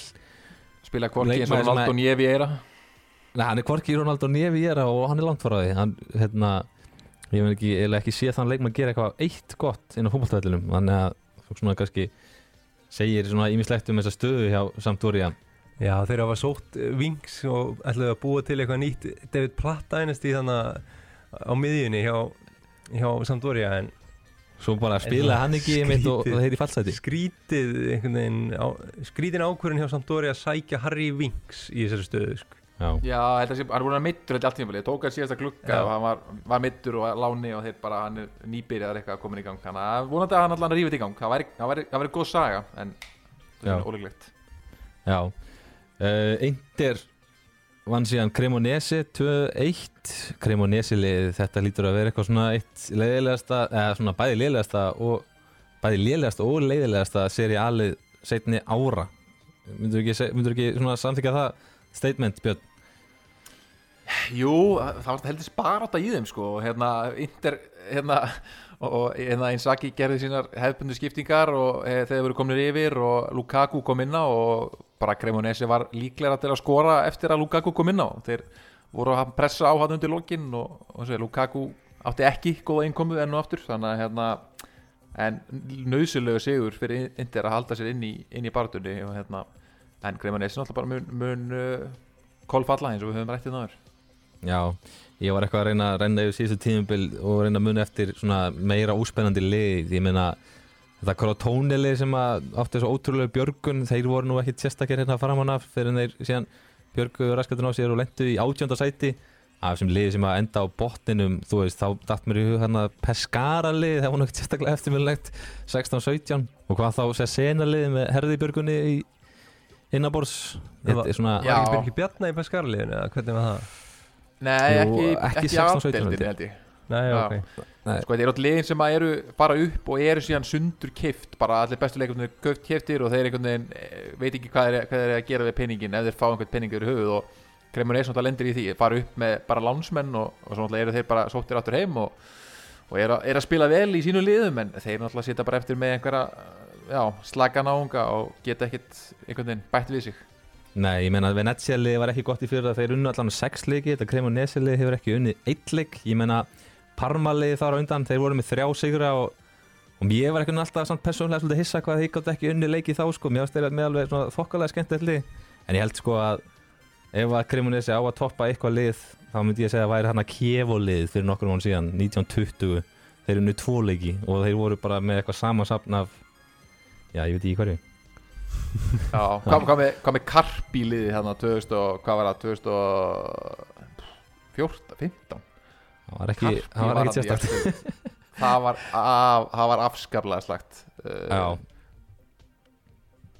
Akkurat Byrjuð eitt tíðanbili efstild og, og hérna var verið að gera völlin þeirra þetta var tíðanbili þannig að það gátt ekki svona spila gátt ekki svona drullast að spila eitt eina tímabili efstild á eigin heima Það er eitthvað vel sorglegt sko. segir allt sem segja þar fyrir mjög liði sko. uh, Aftur á móti þetta eindili við nú kannski hérna, Já, þeim vantar breytt finnst mér á kantana. Og að því að það er nú að koma svona lok gluggans og hérna og þegar næsti þáttur eða þegar við verum með næsta þátt þá ætlaðan er búið að loka glugganum. Þannig að ég setti smá verkefni fyrir ykkur drókar og við langaði bara svona að þið myndu vera þessi top 6 lið á Ítalíu og kaupa bara í eina stöðu. Og ég ætlaði eiginlega bara að fá að taka smá þátt í þessu og ég myndi segja sko að ef að Inter á eftir að kaupa ykkur leikmann í janúarglugganum sem þeir eru vantilega ekki að fara að gera þá myndi ég alltaf láta þá fá kantmann sko. Og jafnvel bara Sassuolo Meistarinn hann á vinstri kantinum. Lorient. Lorient Ég var ymmið að hugsa það sko. Ég, hann held ég að geti fundið sér þarna. Ég held að það sé svona Væri flottur í búningnum allan. Já, og líka bara ekkert Hann er ekki það dýr leikmaður. Það er ekki svona mikil áhætta yfir því að fá hann. Og búin að sanna sig í dildinni Og, og einhvern veginn bara Bara góðu leikmaður. Já Björn, ef þú væri indili, hvað, hérna, hvað myndur leggja til að þeir væri að vesla? Nei, ég er alveg sammála, þú veist, einhvern sóknar, svona sóknar kantmaður, þeir náttúrulega eru með, þú veist, eh, þessi spil á vangjörum hjá þeim í þessum 352 eru að upplægi bakverðir, þú veist, Di Marco og, og Dumfries, þótt þeir séu báði sóknarlega fínir og svona, þá, þá er þetta ekkert kantmenn og það væri kannski gott verið að vera með einn svona, hérna, á öfugum fæti, sóknar, sóknarmann á öðru hverju kantinum, einhvern sem getur eh, kötta inn á völlin, svona, og þá einmitt væri þessi, hérna, Lúkmann típa eða, eða þessi hérna, Lorient þarna hjá, hjá Solo bara einmitt gott sjátt sko. Einhver já, svona sóknar kantmann sem getur kötta inn. Já Hann er 24 ára frækki sem að er á bestaldri. Já, síðan er kannski svona eitt annað sjátt fyrir Inter bara þannig að við séum ekki bara með hann. Uh, Jókim Mæli geti líka smutlið hann inn sem þá kannski að fara ekki alveg úr því að skila einhverju varnavinnu en líka sókna sinna maður sér bara hvernig hann, hversu góður hann er framalega á vellinum. Já, Já. við tala nú ekki með Stumfries já, og hann getur spilum alltaf báða kanta líka. Hann alltaf er Já. bæði góður vinstra megin og kötta inn og, og líka herra megin. Já. Uh, Ef þið væru hérna, mestarefni Napoli, hvað hérna, kannski erfiðast að bæta ykkur við þalli en myndu við geta séð, þú nefndir miðvarastöðuna Björn á hann já, einhvern svona reynd, reyndan eh, miðvörð þannig að spurning bara hvað hva pening við um að hvað budget við um að gefa þeim sko en einhvern svona reyndan þú veist, Francesco Acerbi hjá Inter sem fóttir Inter, þú veist, einhvern svona eh, gæja sem hefur spilað á stærsta sviðinu þú veist, geti spilað Európa-leiki fyrir þá á þess að, uh, kúka á sig við stressi fyrir leik svona einhvern, einhvern þannig típu sko svona reynslu mikinn hafsend Já, ekki köttin hérna í, í, í Juventus. Ég setti á blað hérna, Buongiorno Ángriðins, við hugsum alveg eins hérna, ég ég var ymmið að hugsa hann hann væri svona spennandi að hafa hann líka bara upp á aðeins framtíðina að byggja svona smá ítalstana aftast. Þú komist í nótunar maður. Ég veit ekki hvað gerðist sko, ég var bara akkurat að hugsa Bongiorno Já, ég held að þessi miðvarastæðan svona sem að kannski öskar svolítið Ég hef langað að segja vinstri bakvarastæðan en Rú, ég er bara búin að hérna, sína okkur annað á þessu tíðinbili En ég ætla að vera er með Varðandi leikmann Ég myndi bara sækja Basirotto. Já, Ég held að það er svona fysika leikmaður sem að smellur inn í þetta Napoli-lið. Það eru ekki en smá hérna, vöðva punktin hana í Kim og Baskirott og í, Já, Federico Basirotto væri bara fullkominn maður Þannig að þekkir svona Já, þennan hita sem er söður Ítalíu, einhvern veginn hitinn og, akkurat og ég held að hann veri elskaður hann ég þarf að sjá völlunni. Róttó já, ég þarf að sjá hann í betra lið einhvern, einhvern tímapunkti sko. ég bara verð að sjá Já. hvort hann sé með levelið upp eða ekki sko. Nei, einmitt Við erum búin að hafa augast á þeim leikmanni allt tímubili sko. hann, hann var eiginlega svona fallegast ef hann myndi taka eitthvað stórt múf og svona, svona skrýð úr reyðirinu sko. uh, Efinn Atalanta, hvað myndu við segja með þar hérna, spúniklið Atalanta hvað myndu að kaupa stöðu fyrir þalið ef við, ef við hugsið þetta svolítið. Æ, Björn, sko, sko, spyrjum við þér? já, ég myndi eh, sko eh, svona miðvara staðan vörninn alltaf byrjaði tímabili mjög vel hefða en síðan hefur þetta aðeins verið að dala eh, en já, það er eiginlega miðvörð kannski það líka. Miðjumann eða miðvörð eitt svona miðjumann kannski rot- rotationi í viðbútt Já, ég var akkurat með ég var akkurat með eitt slíkan sko mistur alltaf Malinovski eða eh, Malinovski, eh, þetta er fóran eða er, eh, að Já, hann var rótari Marseille. fyrstu- já, einmitt. Og hérna, og hérna e, hinn fór til hérna Torino fyrir tíðanbilið og mér finnst svona eins og það er sér ekki alveg svona breytning kannski á miðjunu hefur verið áður. Þannig að ég, einhvern svona miðjumann í rotationið og ég meina miðjumann sem að öll myndi bæta sko öll þessi lið sem við erum að tala um núna er Davide Fratesi uh, Ísa Solo bara svona mobile miðjumæður með, getur skora mörg eins og við sáum líka í, í gegn Asi Milan í dag. Og hérna hann var auðvitað fullkomin í þetta lið eins og svo mörg önnur. Já, ég var með sko, finnst einhvern veginn gaman hvernig þegar þeir voru með þessa svona, hennan, þetta slóvenska bræð þannig í Jósef Ilicic, þannig að ég hugsaði svona þarna sem hefur verið góður hjá út í nesi einmitt sem svona rotational player en svo finnst mér bara eitt leikmaður. Mér finnst það að standa fram á enninu og einu leikmanni í dildinni að hann sé leikmaður hann spilaði enda fyrir Sassuolo hann að Traori, Hame Traori sem að er einhvern veginn alltaf Já. góður þegar ég sé hann spila hann getur spilað bæði stöðuna aðeins fyrir framann getur þá leist kantstöðuna en er líka mjög segur á, á miðjunni sko, að ég var að segja hann sko. Bró- bróður hans náttúrulega er, var í Atalanta eða hálfbróður hans sem var samt síðan á endanum ekki bróður hans var það ekki, það var eitthvað jú, þannig jú, sem að Gæti spila fyrir Redding í dag já, Amad Diallo, leikmaður Manchester United akkurat, það var Já. eitthvað sagði um það að þeir væru bræður svo er það eitthvað óvita. Uh, Átni, hvað myndið þú setja hann í Atalanta liði? Sko ég held að það sé mikilvægt fyrir liðið að vera með kannski svona hraðan miðvörð og ég er svona aðeins að reyna að átta mig á því hvaða gæi gæti passað inn í þetta. Uh, er, eru bara að sækja úr Serju A, já fyrir ekki, það er kannski svona setjum smá formerki á þetta, við erum að sækja bara úr serju A. Já, og úr liðum neðar en það má, alveg, það má, má vera svona raunhæft kannski í deildinni en svona kannski svona, raun, svona raunverulegast er kannski það að þeir myndu horfa fyrir neðan sig þessi lið sem eru í top 6 fyrir Já, ekki ég, Ég ég bara- mér bara dætti ekki í huga að sækja í öðrum aðra deldi sko. Nei, Nei, nei, nei, nei ég, ég hugsaði það nú ekki en ég, ég bara svona er að reyna að átta mig á því Hvað, ertu með eitthvað nafn í huga? sko úf, ég held að skilur Bongiorno geti alveg verið þarna Já, það má alveg svona leikmaður uh, bara hafa síðan bara um títi ég veit ekki, mér, ég gæti alveg séð hann fyrir mér hana þó hann sé Já. kannski ekkert eitthvað sá hraðast þá kem, með smá svona reynslu og ég held að hann væri flottur í Atalanta treyjunni Já, það væri bara mjög gott sjátt, ég sem móla því Já, menn, menn er að tala um að Sanjól og til hérna Bornmoth sé eitthvað svona áfættistómi fyrir íþjósku deildina en ég meina við fengum um títi til Lecce sko, það er svona eh, með heimsmeistara sem er bara að Já, spila þetta þarna Það er þörst að móti, sko. vörnina saman sko. já, Já. það er kókur um út í bræði sko. nákvæmlega uh, Hvað segi, ég sko, ég ef við komum að Róma liðinu þá er ég bara með Fratesi ég ætla bara, það er bara svo draumur ennþá sem að lifir og ég, ég ætla ekki að þetta er ekki huga að setja annan nafn á blað þar sko.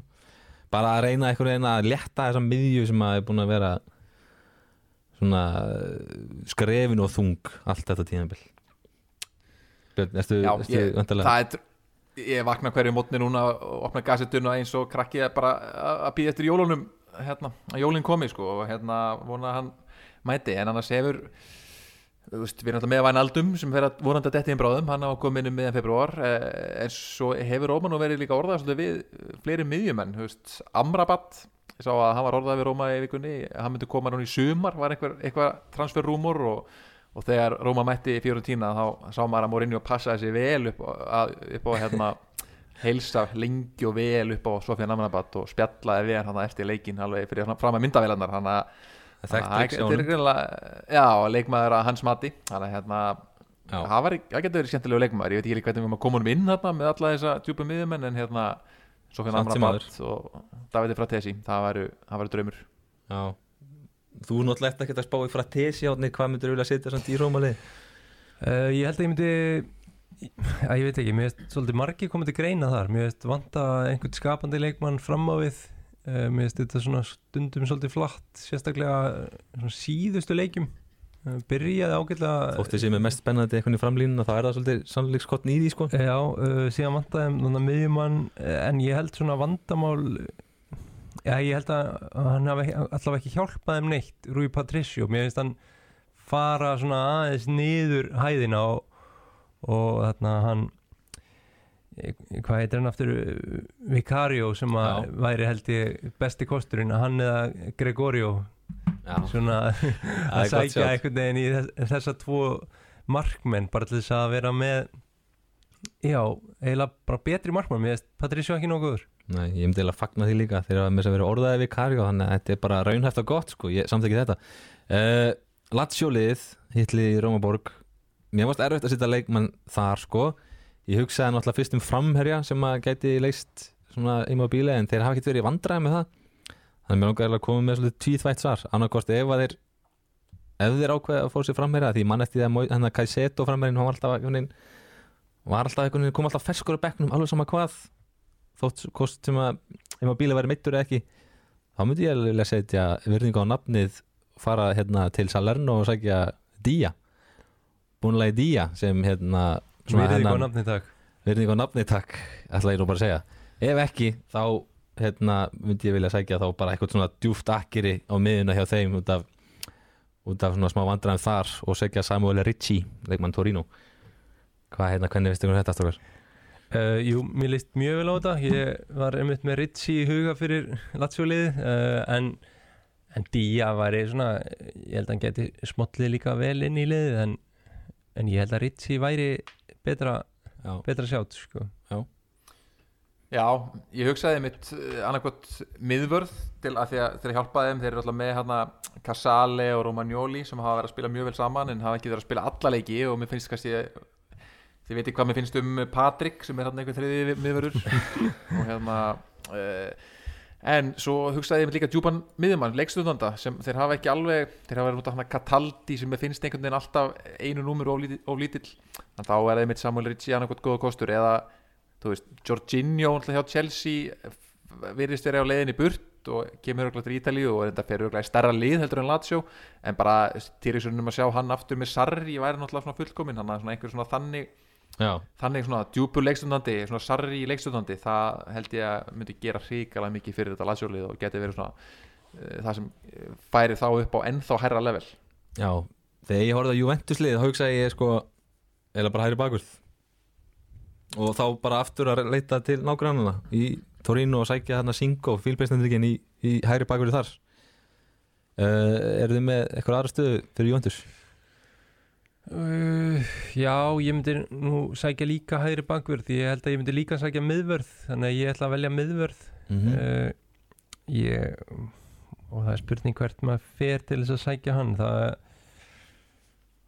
ég veit það ekki alltaf við erum búin að nefna kannski mest spennandi miðverðina en en ef ég ætti bara að nefna einn úr bara hvaða liði sem er sem að náttúrulega Júventus gæti tæknilega séð svo þá væri það bara svona ég held að Rahmani væri bara skemmtilegur viðbót í Júventus lið Kim er náttúrulega ekki það er ekki fræðilegur hann fari þannig að ég ætla bara segja Rahmani.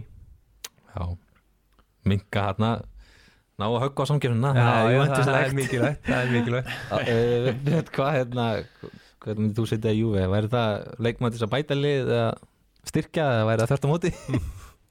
Já, já, góð spurning. Ég veit að fá Patrik hann í miðverður það var eitthvað frá Lazio, það er mjög góð Nei, ég held að eh, svona, ég veit, hægri bakverður eða veist, það er eitthvað við þess að miðju veist, það er, finnst ekki alltaf alveg saman hvað er rúin miðjumönnum og, og átt ykkur að fara, þá vantar alltaf einhvern, þú veist eh, einhvern eins og, að ég veit ekki ég, hérna eh, sem við nefndir frá Sassuolo, Traore. Já, svona leikmaður sem, ég held að þeir gætu þurft á að halda einhver svo svolítið ungur, hlaupa get, eða svona sprækur já orku í sér.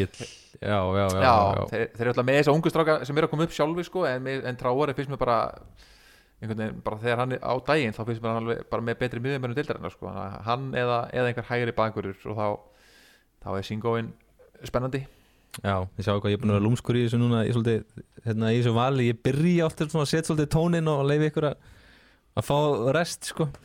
en ég ætla kannski að leiði ykkur bara að velja þá Jase Mílanlega því það er eina leið sem er eftir hérna, sem við hefum ekki talað um uh, hvað ætli að sitja þar strákar? Ég held að ég ætla að setja framherja.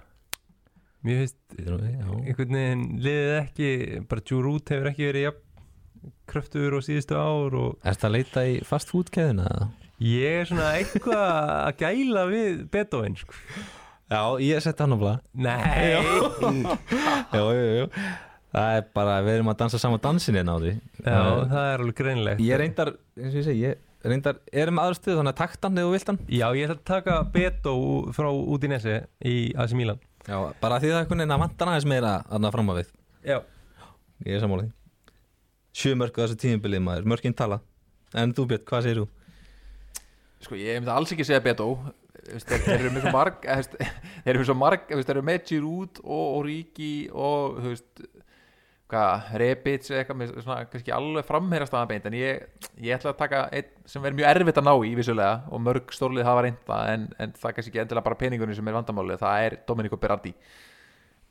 Hægri kantmaður, garantít mörg hann elskar að skora San Siro okkur ekki fá hann í liðið þar sem hann fær að skora fyrir AC Milan í staðin fyrir að skora mótið þeim? En ég held að hann væri bara fúst, hann væri fullkomin leikmaður í þetta lið uh, sem myndi koma inn og gera impact strax en uh, eins og ég veist fyrir þá þá bara er hann ekkert að fara nýtt og hérna þú veist það væri líka að velja veist, miðvörð í liði bara því að þeir eru svo miklu meðslavandræðum í þeirri stöðu og sama með hægri bakurinn um leið og Calabria þú veist, spilar illa eða meiðist þá tók- eru við með hann að Sergino Dest á láni frá Barcelona sem getur ekkert uh, og hérna en, en já, hægri kantmann Dominiku Berardi, bara garanti mörg og, og assist Þú ert með Beto og Berardi væntanlega. Ég var með Beto og Berardi Ég, gat- ég hef nú getað kallað þetta hefði ég byrjað sko. ég, ég er sammála, ég hefði tekið líka En svona undir eðlunum kringumstæðum eh, þá þyrftu við náttúrulega að taka markmann sant? Eða skilju, ef, við værum að versla í já, janúarklukkanum já, sko. vissulega, já, það væri Já, akkurat já. Það er lítið af, þessi deildir ekkert sérstaklega rík af hægri kantmönnum Ég er svona, eftir mína rannsókn í dag Nei, vinstri kantmennir eru þeir sem er að búa til mörkin það er kannski lúkmannin sem er svona kraftuðustur á hægri kantinum sko. já, það er þetta rétt. Hann spila náttúrulega hægra megin. Svo þurfa liðið ekkert alltaf að spila með kantmann sko, þetta er ekki eins og England og svona öðrum deildum þar sem öllu þurfa að spila eitthvað fjóru, þrjú, þrýr með, með menn út í línu sko, þetta er ég er gaman að le að leikjarum sem er ekki með kantmannin. Nákvæmlega, eh, við erum alltaf búin að svona gefa okkar ráð til liðana og þetta eru skipanina sem við sendum út í kosmosið eh, Er eitthvað að lokum strákar sem þið vilji taka fram hérna á hennu kveðin? Uh, Nei, bara Nei, svo sem ekki. Ég bara þakka fyrir mig. Já, bara. Já, er ekki bara svaðaleg umferð hérna næstu helgi? Bara eh, hérna, tísum aðeins næstu Eitthvað. umferð. Það er náttúrulega er Mílanslagur í, í hérna sem að svona ber hæst þar. Og svona svo eru líka margir aðrir góðu leikir. Svona lang, langstæsti leikurinn er náttúrulega Inter Mílan þannig á sundarskvöldinu uh, við ætlum að reyna að hafa hérna, góðan gest með okkur þá og fylgist nættilega með því. Sá þekkir nú til og, og mun mögulega kannski eitthvað koma að þeim leik. Við bara hérna það er að segja þá frá Íslandi ekki, ekki, ekki auðvitaðan Við erum ekki bara að ringi í, í Salimagers og Maldini verður ekkert mættur hérna sko. Uh, en bara já það verður, það verður geggja og vondi svona ná leiðin að rífa sig hans í, gegn, í Eh. gang fyrir það. Erðu, eitt sem ég er að gleyma. Já, uh, Ég sá að þarna Hvað heitir hann? Guðjón Guðmunds eða Gaupi Já, nánast Þannig hjá Parma í Ísland sem að nú virkur eh, Twitter aðgangur Hann var í einhverju podcasti sem að Kyle Kruse eigandi þarna Krás held ég Já, Kyle Krause, Já. eigandi Parma var að deila eitthvað á, á Twitterinu sínum, það var mjög skemmtilegt sko við, við verðum náttúrulega bara að segja það hér sko að við óskum eftir því að aðrir taki upp þetta þetta sem að Parma, Parma-reikningunum í Íslandi er að gera og, og haldi út í góður umfjöllunum Sirju Sitt Bíli lið, sko. Sko. það er mjög heðalegt sko. það er mjög heðalegt, eða það er ekki bara sem, sem stóð upp úr þessa helgina strákar, eða? Það, það veit all Já, maður spissi sko. En hvað stóð upp svona ef við gerum þetta upp? Ég held að það hlýtur að vera Sigur Sassuolo á AC Milan á heimavelli. Já Já. það, það er svo mikið sem stóð upp úr er Napoli. Sigurinn skilju, þetta bara Það var mikið að gerast um þess helgi já skrítnasti leik, eða svona stærsti leikurinn var þetta leikurinn í kvöld, þannig að Napoli Róma aðeins meir en, en, en svona skemmtilegasti leikurinn sjálfur, það var þetta hérna, Asi Já. Milan Sassolo það bara hérna látum við vera þá loka orðin uh, búin að gera svo góð skil í kvöld og hérna við ætlum bara að segja gott í byli góða stundir, hvernig maður kveði þetta komið bara í eitthvað, ég veit ekki hvað. Heyrumst í næstu viku